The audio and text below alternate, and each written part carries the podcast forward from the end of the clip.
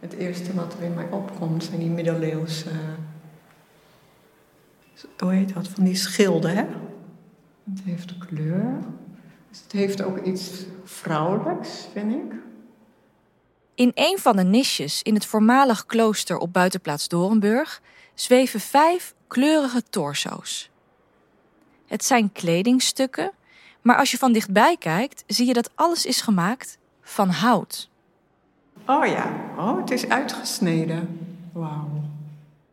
Tjoep heet het werk. Dat betekent hout in het Farsi.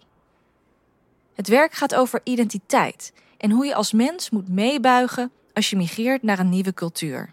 Ik heb ook 18 jaar eh, in Suriname gewoond, dus ook een andere cultuur. En het is inderdaad kunst jezelf te blijven, waar je ook bent. Is dat niet uh, vanzelfsprekend? Nee, ik denk niet altijd. Hè. Ik denk dat mensen zich vaak spiegelen aan anderen en dat anderen misschien beelden over jou hebben of oordelen. Of, en de kunst is om je daar niet door te laten raken en gewoon jezelf te blijven. Dus dat is niet zo vanzelfsprekend. Ik denk dat ook heel veel mensen zich proberen aan te passen aan hoe zij denken dat mensen, wat mensen van je verwachten. Even later ben ik op de buitenplaats met mijn goede vriendin Sarah Safi Harp. We lopen langs de kunstwerken uit de groepstentoonstelling en bij het werk met de houten torso's staat ze stil. Wat, uh, wat zie je? Ja, het is allemaal een soort van uh, schild. Kan niet echt je zwakte tonen. Is dat jouw associatie? Ja, moet goed uh, um, wapenen. Ja. ja, ik weet niet als het echt eigenlijk ook een schild is of ook een harde huid die je krijgt door de tegenslagen die je voelt als buitenlander ook. Ik denk dat het ook een soort van ja, bijna eelt is, dat je het zo kan zien. Uh, ja, het raakt me. Sarah herkent iets in het werk. De kunstenaar, Mehdi Mashayeghi, kwam uit Iran naar Nederland om aan de kunstacademie in Arnhem te studeren.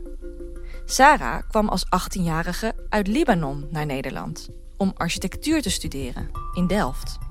Uh, hoe ga ik mijn buitenkant voordoen? Welke woorden gebruiken ze? Cool, vet, uh, tof, uh, ja hoor. Ja, maar ik heb nooit ook meegedaan met boterham met kaascultuur. en met ja hoor? Met ja hoor zeker. Ja hoor. Ja, regelmatig. ja hoor, ja. Toch klinkt het een beetje gek als je het ja, zegt. Gek hè? Gek. Ik vroeg van, ook in het begin van, maar wat betekent dat? Dit is Exodus de Expo. Van Extinction Rebellion tot Winti. In deze podcast staan we stil bij vier werken uit de groepstentoonstelling Exodus van het Bijbels Museum en Buitenplaats Dorenburg. In deze tentoonstelling zijn 28 kunstwerken te zien die het eeuwenoude verhaal Exodus verbinden met ons leven nu. Mijn naam is Lotte en in deze aflevering ga je luisteren naar Zoeken naar thuis.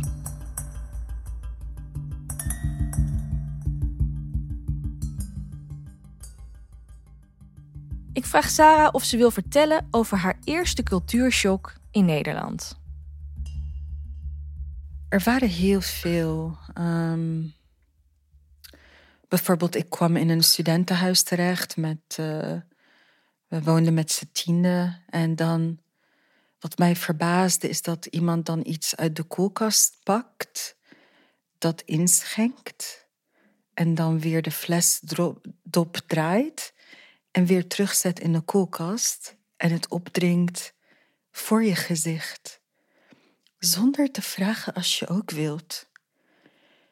Um, dat choqueerde mij. En ik ging dan uh, logeren en dan gingen we aan tafel. En het grappige is, is je zit aan tafel en je gaat eten. En dan uh, word je gevraagd, wil je eten of wil je salade? Maar dat je denkt van, ja, maar we zitten hier toch te eten, natuurlijk wil ik. En dan zeg je ja en dan uh, daarna is, uh, wil je nog wat? En dan natuurlijk, ja, dan ben ik gewend om te zeggen nee hoor. En dan is het oké. En dan gaat die bord weg. En terwijl zeg maar, ik ben gewend dat, dat je zegt nee. En dat, dat er dan wordt gezegd: Nee, joh, neem alsjeblieft, kom op, je hebt niks gegeten. Jalla, jalla, eet, eet, eet. en nu had ik de hele nacht honger. Of bijvoorbeeld, ik ging toen eh, liggen in bed en toen was zo de vraag van, uh, ja, heb je genoeg dekens? En dat ik zei, uh, ja hoor. En dan, oké. En de hele nacht koud. Sarah kwam uit een warm land met warme mensen. Hier was alles koud. En daarbij kwam dat Sarah in elk sociaal contact bezig was om de ongeschreven regels te ontcijferen. Dan is samen zijn met anderen wel erg verwarrend en vermoeiend. Ja, nou, als ik heel eerlijk met je ben, was het gewoon eerder van: ik wil zo snel mogelijk terug naar mijn kamer. Waarin ik de deur dicht kan doen en een soort van even kan weer zijn wie ik echt ben of zo. Of dat ik niet meer ook hoef te faken.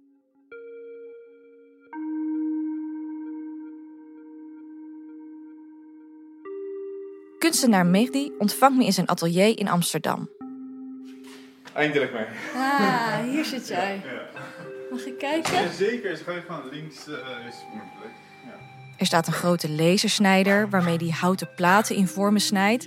Aan de muren hangen tekeningen en proefjes. En in de hoek staat een bench met twee hondjes. Hout is niet een materiaal dat je gaat van een kleding maken. Dat is niet heel erg gewoon geschikt. Is niet aangepast, uh, werkt gewoon niet. En het blijft gewoon stijf. Ik probeerde van hout allereerst hout flexibel maken. Om in, uh, in kleding te verwerken. Net als gewoon wat het gebeurt voor een migrant. Omdat het naar een ander land gaat. Dat je moet gewoon zelf integreren, zeg maar. Hout flexibel maken is net zoals het integreren in een andere cultuur, zegt Mehdi. Ja, en kan in kleding van hout, maar dat is best wel lastig, allereerst. En ten tweede neemt heel veel energie, tijd. Dus het is mogelijk, maar het is niet makkelijk. Nee, klopt. Dat is het precies, ja. De houten kledingstukken van Mehdi zitten vol symboliek. Deze kledingstukken hangen in musea maar in alledaagse kleding zit misschien wel net zoveel betekenis. Ik weet nog wel heel goed, heel goed de dag dat ik uh, besloot om te gaan shoppen. En dat ik kwam in de, in de H&M en dat ik zag, dat ik dacht bij mezelf van, ik ga vandaag een nieuwe identiteit kopen. Maar wat zal ik zijn? Welke van de Nederlandse versies die er zijn, ga ik kiezen? Welke versies had je ontdekt? Uh, de skate-achtige type. Uh, de surfers-achtige vibe. Dus hoodie en baggy pants. Of je hebt zeg maar degene die spijkerbroekje en uh, Colbert-achtig of blouseje. Of je hebt zeg maar de een beetje hippie-achtige. Het was leuk, want ik had echt serieus alle drie de stijlen gepakt. En ik dacht van, wie ga ik nu zijn? Wie ga ik zijn? En uiteindelijk had ik voor de Bohemian versie gekozen. ja. Wat had je dan aan? Uh, ja, een beetje flowy rokken en uh, uh, een beetje een soort van ja, hippie blouses-achtig iets. Sarah studeert, stopt later met haar studie, verhuist naar een andere stad maakt vrienden en begint een eigen dansschool. De ongeschreven regels worden haar langzaam duidelijk en ze leert vloeiend Nederlands.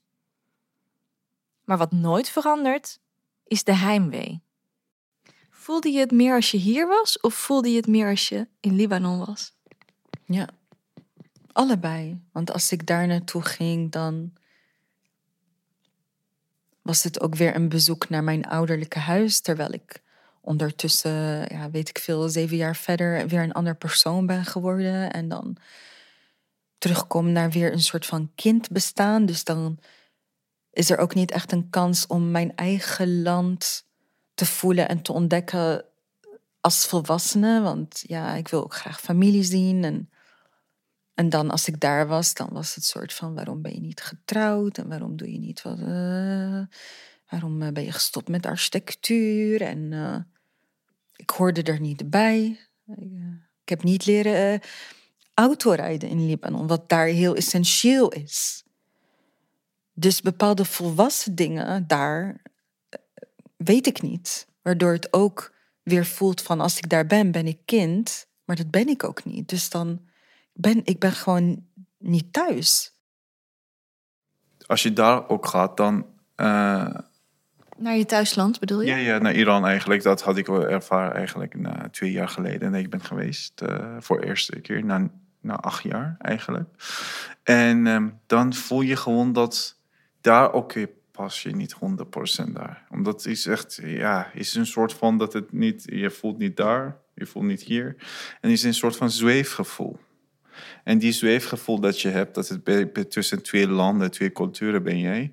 En was je, ik snap het heel goed, dat je, je moet sommige dingen hebben om te vastgrijpen eigenlijk.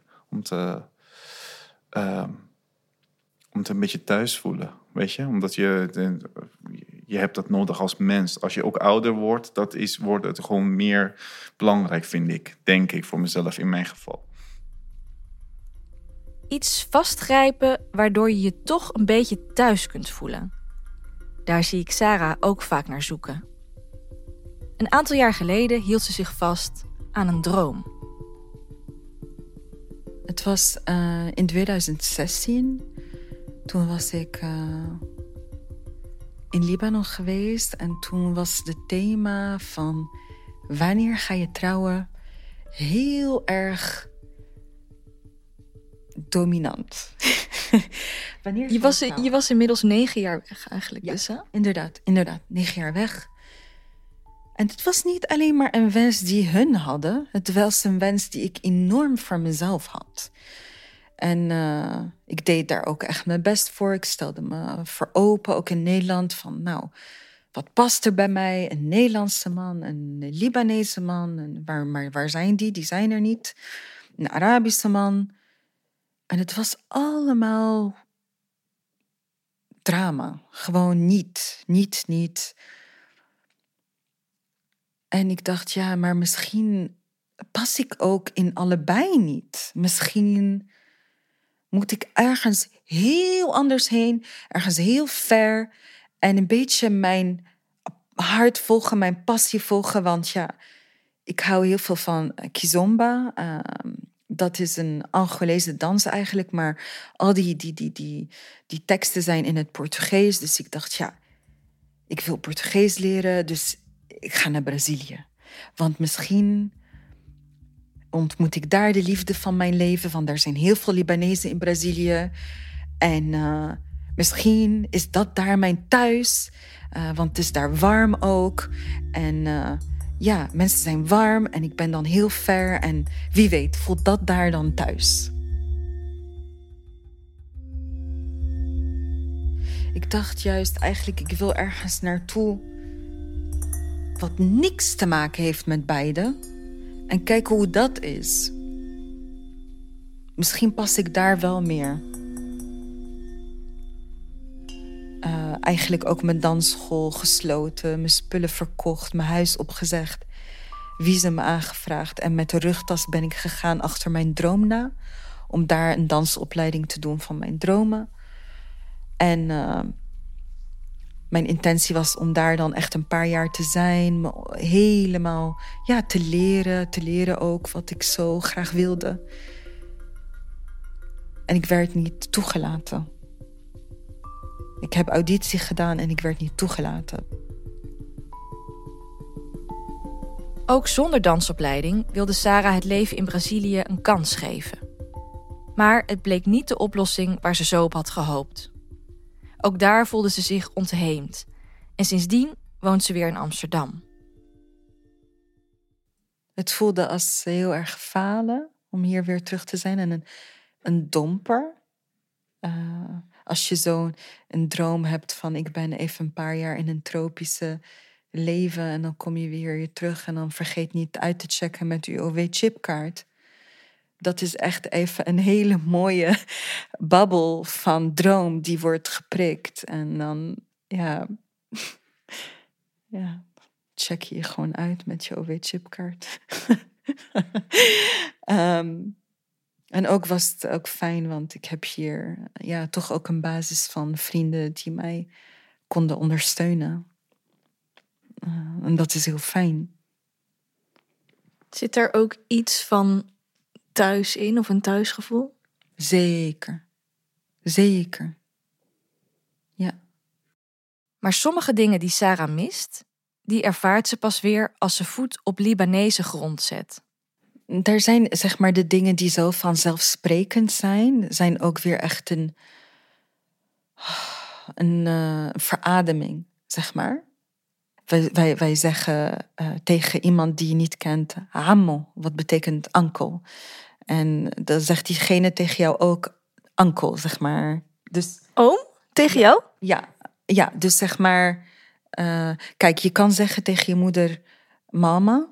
Uh, maar ook je moeder kan tegen jou zeggen ja mama. Uh, galas ja mama, stop mama. Dus het is heel bizar, maar je kan dus dezelfde woord, woord, dezelfde woord gebruiken voor elkaar. Het is heel apart, maar it works that way. Of alsof de man van de supermarkt zegt mijn nichtje of zo. Ja, hallo nichtje. En dat, dat, dat hij even kijkt van. Dat hij even naar je kijkt van: hey, zal ik tillen naar je auto? Of, mm, of dat hij zegt tegen je: uh, deze sinaasappelen zijn echt lekker. Uh, of dat hij met me meekijkt van dat ik de beste tomaten heb gekozen. Kun je me eens vertellen hoe je er nu in staat in het gevoel van: ik leef hier, dit is blijkbaar waar ik woon in Nederland? Het zijn hele gemengde gevoelens. Van heel veel heimwee, heel veel verlangen. En ook een hele, hele, hele diepe dankbaarheid om hier te kunnen zijn. Amsterdam, die prachtig is, met haar grachten en bruisend. En dat, dat het feit dat als je belasting betaalt, dat er wel werkende stoplichten zijn. Dat zijn allemaal hele leuke dingen. um. Toch zei je me de vorige keer dat, dat we elkaar spraken, ook van ik hoop dat ik hier over tien jaar niet meer woon. Ja, dat, ja, dat hoop ik wel. Bij gebrek aan thuis heb je iets nodig waaraan je kunt vasthouden, zei Medi. Iets wat jou een beetje thuisgevoel geeft. Ik vraag hem om een voorbeeld te geven. Een van onze honden heet Bijan. Bijan is um, een Iraanse naam. In onze cultuur, we hebben een soort van verhaal, oude verhaal, net als Romeo en Juliet, zeg maar. En in onze cultuur, Bijan is Romeo. Snap je? Dus uh, en mijn moeder had vroeger een hond. En die heette Bijan ook. En normaal gesproken is het een beetje gek dat je echt... Een, omdat Bijan is echt een soort van heel romantische naam is. Meestal mensen doen ze dat niet. Maar dat vond ik heel fijn. Om te, zeg maar, die hond ook gewoon dat te noemen. En voelt ook goed. Zo moet ik zeggen. Laatst ben ik een, initiatief begonnen. En dat heet Echt El Ghirbe. En Ghirbe is eigenlijk een term die wordt gebruikt door Arabieren die niet meer in hun thuisland wonen. En daar zit heel veel emotie in dat woord. En er wordt ook heel veel over gezongen. Door heel veel uh, artiesten wordt er gezongen over het Ghirbe. Omdat er ook natuurlijk zoveel mensen uit Midden-Oosten en Noord-Afrika die dan ja, hun land toch hebben moeten verlaten, hebben moeten vluchten. Dus het is een heel common woord van heel veel pijn. Gharib means strange of framed, eigenlijk. Dus sinds kort ook dankzij mijn danslessen, waar er ook vrouwen uit het Midden-Oosten naar mijn les komen en uit Noord-Afrika, zeg maar, Egypte, Marokko, Tunesië en zo. Dat die vrouwen naar mijn lessen komen en zeiden van, ik voel me zo alleen, ik voel me zo alleen. En toen dacht ik, oké, wat is je nummer? En toen heb ik eigenlijk hun nummers verzameld en ben ik een avond begonnen bij mij thuis. Gewoon heel klein. En dat we gewoon samen kwamen alleen om ons taal weer te praten en te horen van ieder waar die mee worstelt. Dat was echt heel magisch. Dat ik ook denk van ja, ik, ik voel me zo powerless Maar ergens heb ik ook echt power. En met, met die kleine power die ik heb, ik kan toch wat, ik kan toch wat. Het is niet hetzelfde, maar ik kan toch wat doen. Om hier te creëren voor mezelf en ook voor anderen. Je luisterde naar Exodus de Expo, van Extinction Rebellion tot Winti. Een vierdelige podcast van het Bijbels Museum en Buitenplaats Dorenburg, gemaakt door Babette Rijkhoff en Lotte van Galen. Deze aflevering werd gemonteerd en gemixt door Giel Verbakel. De groepstentoonstelling Exodus is tot en met 24 september 2023 te zien op Buitenplaats Dorenburg in Maarsen. Kijk op exodus.nu voor meer informatie.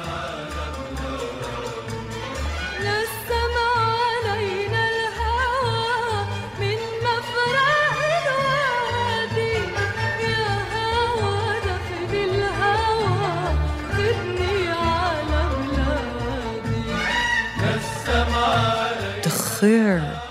De geur van Libanon mis ik. Hoe ruikt het? Naar uh, benzine. heel veel vuilnis.